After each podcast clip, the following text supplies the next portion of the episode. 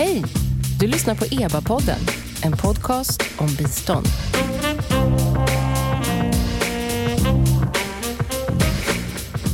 Välkomna till EBA-podden. Jag heter i vanlig ordning Noomi Östlund och den här podcasten ges som vanligt ut av Expertgruppen för biståndsanalys, EBA. Det är en statlig kommitté som utvärderar och analyserar Sveriges internationella bistånd. Idag ska vi prata om något mycket spännande, tycker i alla fall jag. Resultatbaserat bistånd. Det låter kanske tekniskt, men enkelt sett handlar det om bistånd där man betalar först efter att man har sett resultat. Det här är inget unikt för biståndet utan ett upplägg som vi allt oftare ser även på andra håll. kallas ibland eh, också utfallsfinansiering. Idag ska vi borra lite i det här fenomenet. Dels för att förstå när, var och hur det används Eh, inom biståndet och dels såklart om det fungerar. Det kanske låter som en självklarhet. Man betalar ju först när man ser resultaten. Men är det så enkelt? EBA har såklart tittat på det här och nyligen publicerat en underlagsrapport på ämnet som vi kommer dra på i dagens samtal. Med mig i podden idag har jag på länk två gäster som ska hjälpa mig att rätta ut frågorna kring det här med resultatbaserat bistånd. Båda två återkommande gäster här i podden. Välkommen först Sara Johansson da Silva. Tack så mycket. Tidigare ledamot i EBA, utvecklingsekonom, fristående konsult med lång erfarenhet från bland annat Världsbanken. Eh, och vid din digitala sida Marcus Burman, utredningssekreterare på EBAs kansli. Välkommen tillbaks. Tack så mycket. Tack, tack. Eh, och ni har ju båda varit med i referensgruppen som har följt arbetet med EBAs underlagsrapport om just det här med resultatbaserat bistånd som är skriven av Geske Dijkstra professor emeritus vid Erasmus University i Rotterdam. Men mer om den senare. Jag tänkte vi ska börja med grunderna. Vad är egentligen resultatbaserat bistånd? Det handlar ju om att betala för eller ge bistånd till någon först efter att vissa resultat har levererats. Men Sara, Marcus, kan ni ge några exempel på vad, vad det här kan vara för någonting? Hur, hur de här uppläggen ser ut? Sara, vill du Ja, man kan, det finns ju många olika former. för det finns ju många olika former för det här så det kan ju vara beroende på vem det är som betalar för biståndet och vem det är som utför det. Men vi kan, vi kan ge ett konkret exempel att till exempel antingen en, en givare direkt eller en, en eh, regering på nationell nivå ger eh, administrationen på lokal nivå uppgift att eh, öka antalet mödrar som föder barn på hälsokliniker istället för hemma för att, då, och det är upp, för att uppnå då ett resultat om att eh, minska mödradödligheten. Så det är ju ett exempel. Eller att man betalar en eh, skola för att eh, få fler barn genom skolsystemet, helt fler som går ut till exempel. Så kan det så vara. Att, att, att, att de får betalt först om de kan visa att de här Precis, mödrarna i...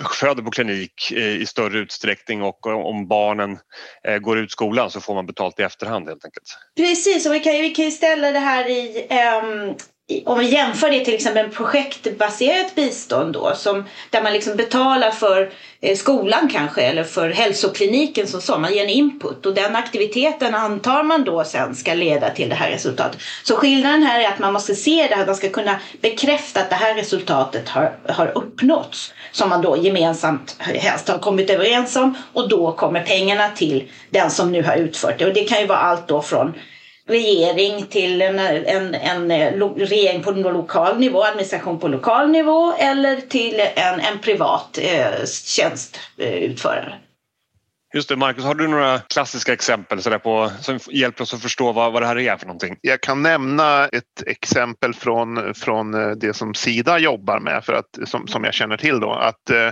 man eh, började ett eh, program i Zambia som heter, eh, med någonting som heter Beyond the Grid Fund. som handlar om att, som jag har förstått det, att koppla upp eh, fattiga familjer på elnätet e, egentligen. Att, att få, få en off-grid eh, uppkoppling på elnätet. Eh, och sen har man då ett samarbete med, med företag för att eh, leverera den här eh, tjänsten till. Eh, så det är ju eh, ett exempel då med väldigt konkreta eh, resultat, alltså resultat som, som egentligen ligger på en ganska kort sikt om man, om man eh, säger så i relation till hur det ibland kan vara i, i biståndsprojekt.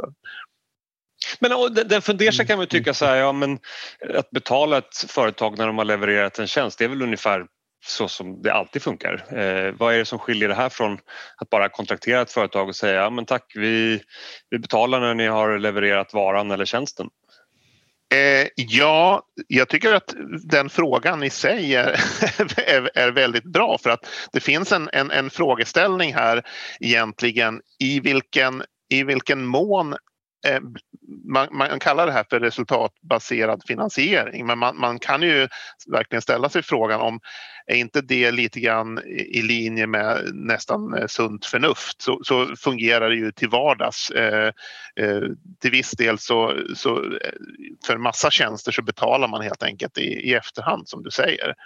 Eh, det är såklart att betala för någonting i efterhand eh, har man jobbat med länge men just, just den här typen av mer, mer upplägg där man, där man eftersträvar någon typ av ofta social som kallas impact eh, och, att man, och att det är det man betalar för. Det är ju någonting som, som växer ganska kraftigt även inom andra områden än biståndet. Man pratar om eh, till exempel social impact funds, eller det finns obligationer, sociala utfallsobligationer, utfallsfinansiering av olika slag eh, som fungerar precis så här att man säger att eh, när någon, en viss social nytta är uppnådd så utfaller en, en, en betalning och sen kan de där eh, konstruktionerna se väldigt annorlunda eller liksom olika ut och det är väl också samma sak inom biståndet att man kan ha upplägg där eh, man har någon som, som förfinansierar den här verksamheten eh, och det är den aktören som sen får betalt eh, om det här utfaller. Eh, och så har man en, en annan aktör som genomför eh, helt enkelt och får betalt för sina löpande utgifter. Så det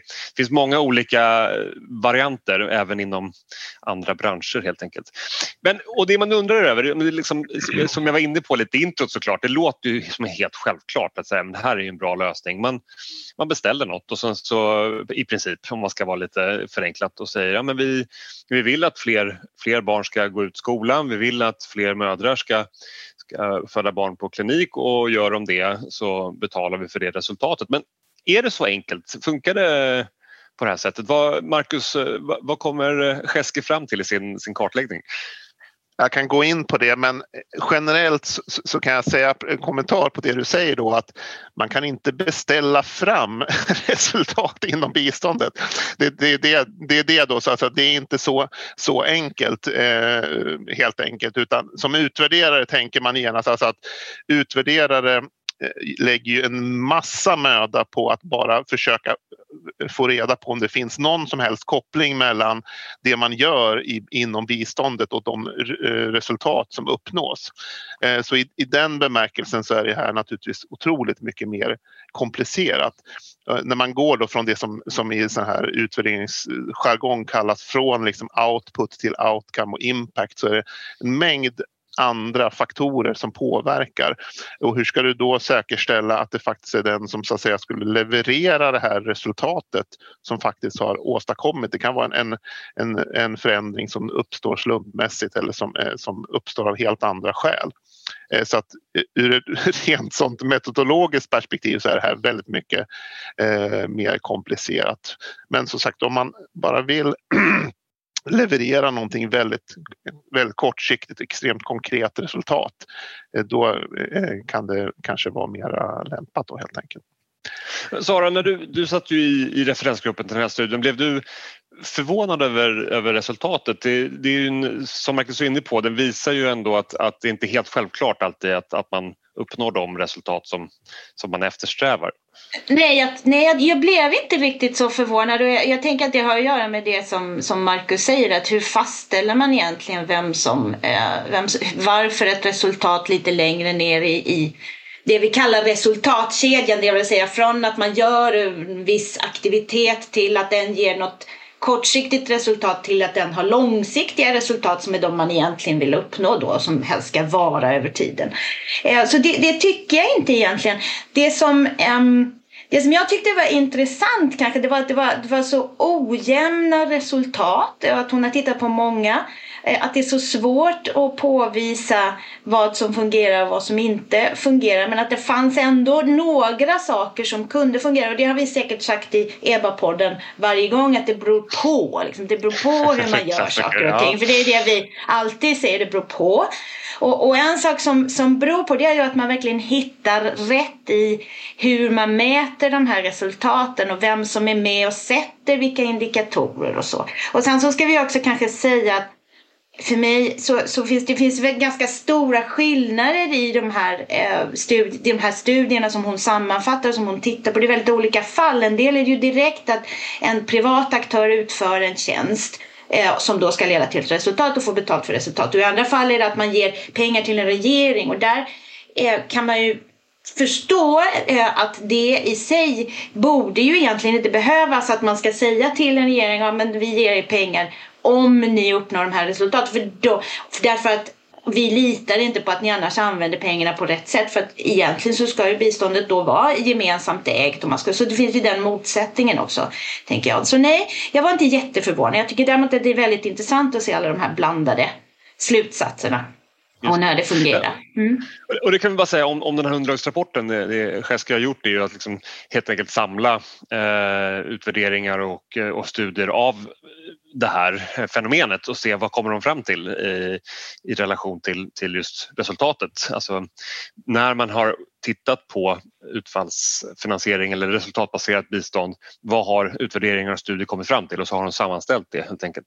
Men jag tycker en sak som ni båda är inne på som jag tycker är spännande det, det är just det här med resultatkedjorna och är, är det det som är lite är det en av, av slutsatserna kanske att, att det, det, det är lätt att säga ja men, men eh, eh, se till att fler barn går i skolan men det behöver inte i sig alltid eh, kopplas till bättre studieresultat eh, i slutändan.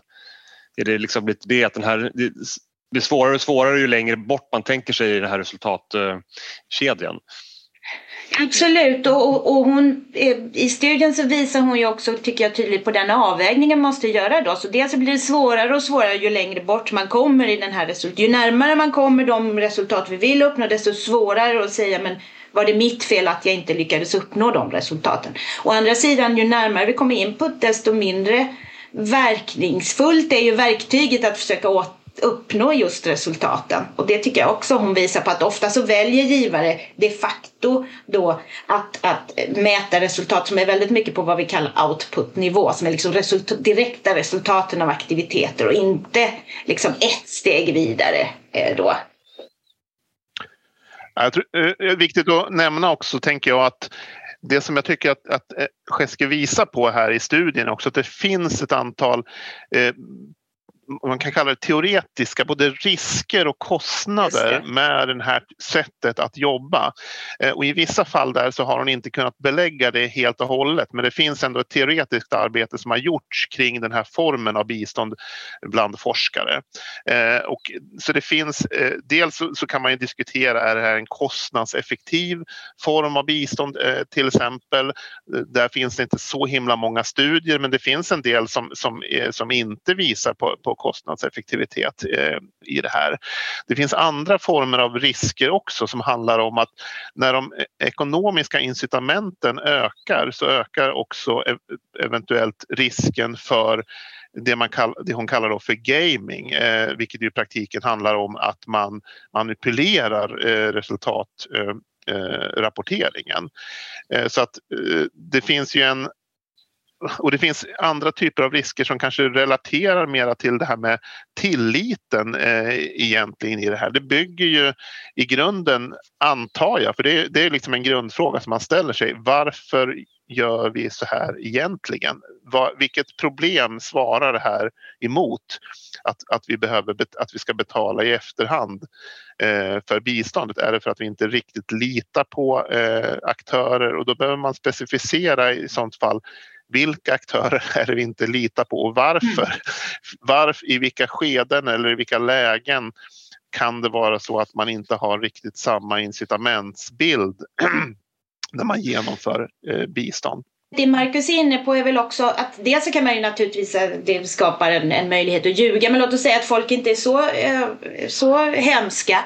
Men eh, det skapar kanske ett incitament att uppnå de här resultaten där man, där man ger vika för kvaliteten och det gäller ju då, har man då verkligen valt också att titta på resultat som ligger kortare i resultatkedjan, mer output, så kanske man väljer ett exempel som ges i den här studien som jag tycker är bra, det är att man väljer men eh, vi, vi, vårt, vårt mål är att få så många utbildade personer som möjligt med bra utbildning, relevant utbildning. Och så kollar vi hur många, hur många eh, ungdomar kan vi få igenom skolan då.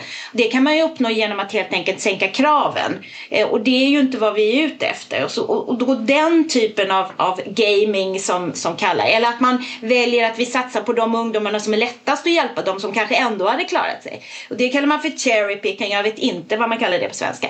Men, men det, så den typen av effekter som kanske inte beror på att man direkt ljuger i sin rapportering men också att man, att man liksom spelar systemet eh, på, på ett vis som gör att man uppnår resultaten men som inte då främjar resultaten på lång sikt helt enkelt. Det här låter ju lite, sen... ganska likt det svenska utbildningssystemet eh, i vissa delar där man får betalt för, för examinerade studenter och eh, goda betyg. Så att, eh, ja, eh, spännande. Eh, kanske inte helt, man kanske inte blir helt förvånad då att man ser samma, samma liknande saker här också. Men om, om man tänker sig eh, några bra exempel, var, var, var någonstans funkar det här? Alltså nu har vi pro, liksom fokuserat lite på, på avarterna men hittar hon några, några exempel på det här, det här, det här funkar den här lösningen på ett väldigt bra sätt? Alltså det, det, det, det, är ju i, i den här typen av insatser eh, som är Eh, vad man ska säga, väldigt konkret, eh, eh, på ett sätt kanske ganska traditionell form av bistånd, leveranser eh, till, kopplat till olika former av infrastruktur skulle man tänka. Det är det som är andemeningen i det hon säger och, och de exempel. Det kan handla om att uppkoppling på elnätet eller någonting sånt där. Eh, men också så finns det positiva exempel på att, att eh, man har fått, man har lyckats öka förmågan liksom att nå ut också till de allra fattigaste så att, så att man har kunnat jobba på, på ett bra sätt med det, att faktiskt nå eh, de allra fattigaste individerna på det här sättet med hjälp av till exempel då marknadsaktörer i något, i något visst avseende. Men ofta så har, har det då handlat om väldigt eh, konkreta eh, resultat på, på, på, kort sikt och så vidare. Ja, det, nej, det finns ju ett exempel från, um, från Centralamerika då inom hälsosektorn som kanske annars inte har varit, där, där det annars inte är jätteentydiga resultat utan tvärtom ganska blandade. Men den, det är, ett, det är då ett, ett, ett system som verkar ha fungerat där man liksom har betalat lokala fattiga distrikt då för att de ska uppnå resultat inom mödravård och, och eh, barnhälsovård. Och det verkar ha åtminstone fungerat ganska bra. Eh, och, och, men, det var, men det är också en fråga om hur man då sätter upp det här systemet. Då har man varit eh, väldigt noga med att, att liksom involvera motparten i hur man bestämmer vilka resultat och det har man kunnat, man har varit flexibel i hur man har kunnat mäta och ändra de här indikatorerna under tiden. Man har jobbat mycket på att lära sig från vilka misstag och olika, så det var en väldigt speciell setup då och, och det är klart att det kan ju kosta ganska mycket att sätta upp den där så där kommer Marcus fråga om kostnadseffektivitet liksom tillbaks. Det är klart att det kanske går att göra ett väldigt effektivt system men är det då kostnadseffektivt jämfört med andra former av bistånd. Det, det, är ju det vi också måste fråga oss hela tiden. Det jag hör är så, så korta resultatkedjor som möjligt, alltså så konkreta resultat som möjligt som, som går att liksom följa upp på ett tydligt sätt även om det då finns risker kring just den här liksom rapporteringen och uppföljningen. Men är det några särskilda sektorer i övrigt som, som passar sig särskilt väl utifrån vad, vad, vad Jessica har sett i, i sin genomgång? Energiområdet till exempel kan, kan vara ett, ett sådant eh, område som jag nämnde. Vi har inte, det finns inte så mycket kring infrastruktur, möjligen, möjligen att det kan, kan funka som eh, ligger mer i andemeningen kring vad hon säger. Men, så, men evidensen är ju begränsad. Om man ska nå ut med en form av sån här typ av konkreta tjänster till fattiga människor så, så, eh, så ökar det kostnaderna ju mer man Eh, ska nå de allra fattigaste. Det är, det är, lättare att jobba i städer än att jobba på landsbygden och, eh, eller att, eh, i eh, områden som ligger långt bort och så vidare. Eh, och där, där kan det vara kanske någonting då. Alltså så att man, ska, man, man tweakar, tweakar modellen så att man får mer, en högre ersättning om man når ut till de, de mest behövande. Ja precis, man betalar, det finns ju olika modeller men en modell är att man betalar liksom den skillnaden som man räknar ut att det var vad, vad fattiga människor har råd att betala för tjänsten till exempel jämfört med vad, vad som då skulle vara genomfört för en, för en, eh, genomförbart för en privat eh, aktör. Så det är ju också en möjlighet. Jag tänker precis som Marcus säger att just de här där man, där man har möjlighet att få in, att liksom motivera, mobilisera privata resurser som annars inte hade gått in. Den det är ju någonting som naturligtvis kan då ge en additionalitet som, som man inte annars hade kunnat åstadkomma. Det hade varit eh, enbart eh, offentliga medel och, och, att man då kan få in fler resurser för, för att uppnå ett, en, ett socialt utfall. Så att betala för resultat kan fungera. Eh, det var inte liksom, som vi var inne på i början här, det, var inte helt, det är inte helt självklart ändå eh, hur det ska funka. Men om man ska säga något, liksom, vad kan beslutsfattare och andra mm, liksom, biståndspraktiker ta med sig av det här framöver? Om vi ser på den här, den här genomgången, vad, vad tycker ni? Finns det fall där resultatbaserat bistånd absolut borde användas mer Alltså, finns det något, har ni några, liksom, vad, vad, skulle vara rekommendationerna för, för de som, som sitter med, med valet att, att uh, sätta sig in i den här typen av modell? Jag, jag, tycker att det måste vara väldigt mycket från, från fall till fall. Det är ofta så när, när sådana här nya koncept kommer upp att från början så finns det olika former av vida idéer om att olika områden och sen så när man har liksom tröskat igenom en, en, en ny metod på något område så, så märker man att det, det finns vissa specifika områden där det här liksom är egentligen eh, tillämpbart. Och det är kanske det som, som vår eh, studie pe pekar på. I viss, vissa särskilda eh, situationer i, vissa, en, i en viss kontext när man sitter med ett visst problem som man, som man vill eh, lösa så kan det vara eh, säkert både naturligt och, och, effektivt att, att jobba med det här. Men det är ingen, eh, ingen generell metodologi för att förbättra, förbättra biståndet utan det kommer alltid vara från fall till fall tror jag lite som Sara var inne på förut, eh, det, det generella svaret i podden är att det beror på helt enkelt. Eh, det beror på kontext och, och annat. Men, och vad tror ni Sara, om jag, får, jag sätter en sista puck till dig här. Vad, vad, tror du då om en trendspaning? Är det här ett upplägg som kommer bli mer och mer vanligt? Är det någonting som liksom är lite på modet? Um, kommer vi se det allt oftare? Ja, Ja, det, det är svårt att säga. Jag tycker, tänker lite som Marcus att, att eh, alltså, biståndet som många sektorer tänker jag fungerar så att man tröskar sig igenom en metod. Jag tyckte det var väldigt bra uttryckt. Och, och innan den här eh, resultatbaserade finansieringen så hade vi tröskat igenom oss eh, budgetstöd och liksom lagt det lite på hyllan och så nu har det här kanske tröskats igenom utan att vi riktigt har fått tydliga svar på, på särskilt på kostnadssidan tänker jag jämfört med andra former av bistånd att det kan fungera men vi vill ju veta är det, mer, är det bättre än andra?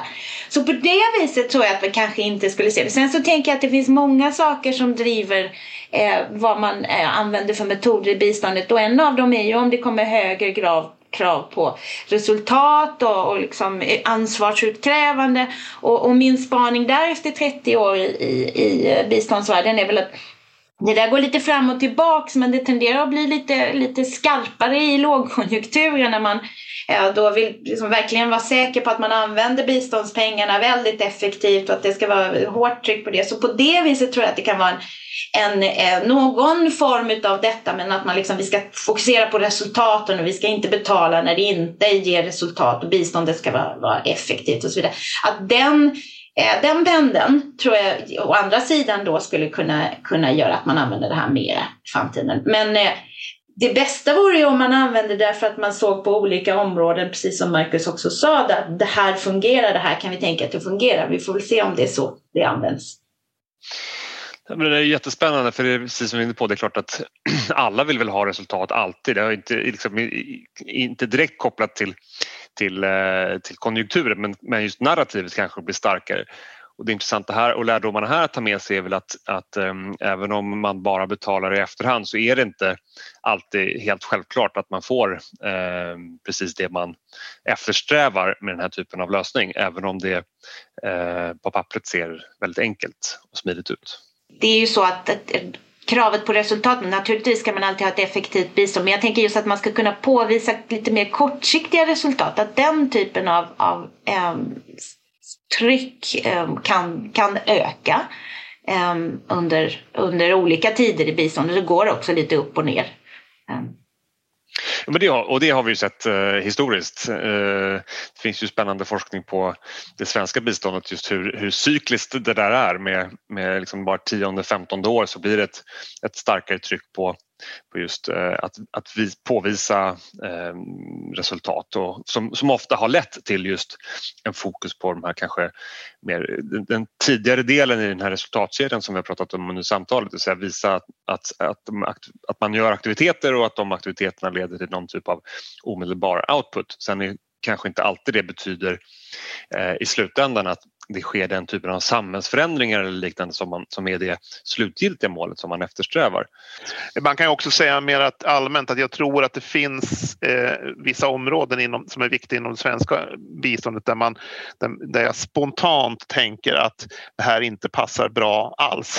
för, för, att liksom precisera lite grann. Till exempel eh, relaterat, vi, vi jobbar väldigt mycket genom civilsamhället med mänskliga rättighetsfrågor och demokratifrågor i, i, svensk bistånd. Det, för mig är det Eh, jag blir gärna överbevisad om det men det, det, det, är lite svårt att se relevansen kopplat, kopplat till, till den, eh, den typen av, av eh, frågor helt enkelt. Ni som blir nyfikna såklart på den här underlagsrapporten, den heter Payment by Results in Aid, a review of the evidence, skriven av Jeske Dijkstra den finns såklart att ladda ner på EVAs hemsida eva.se.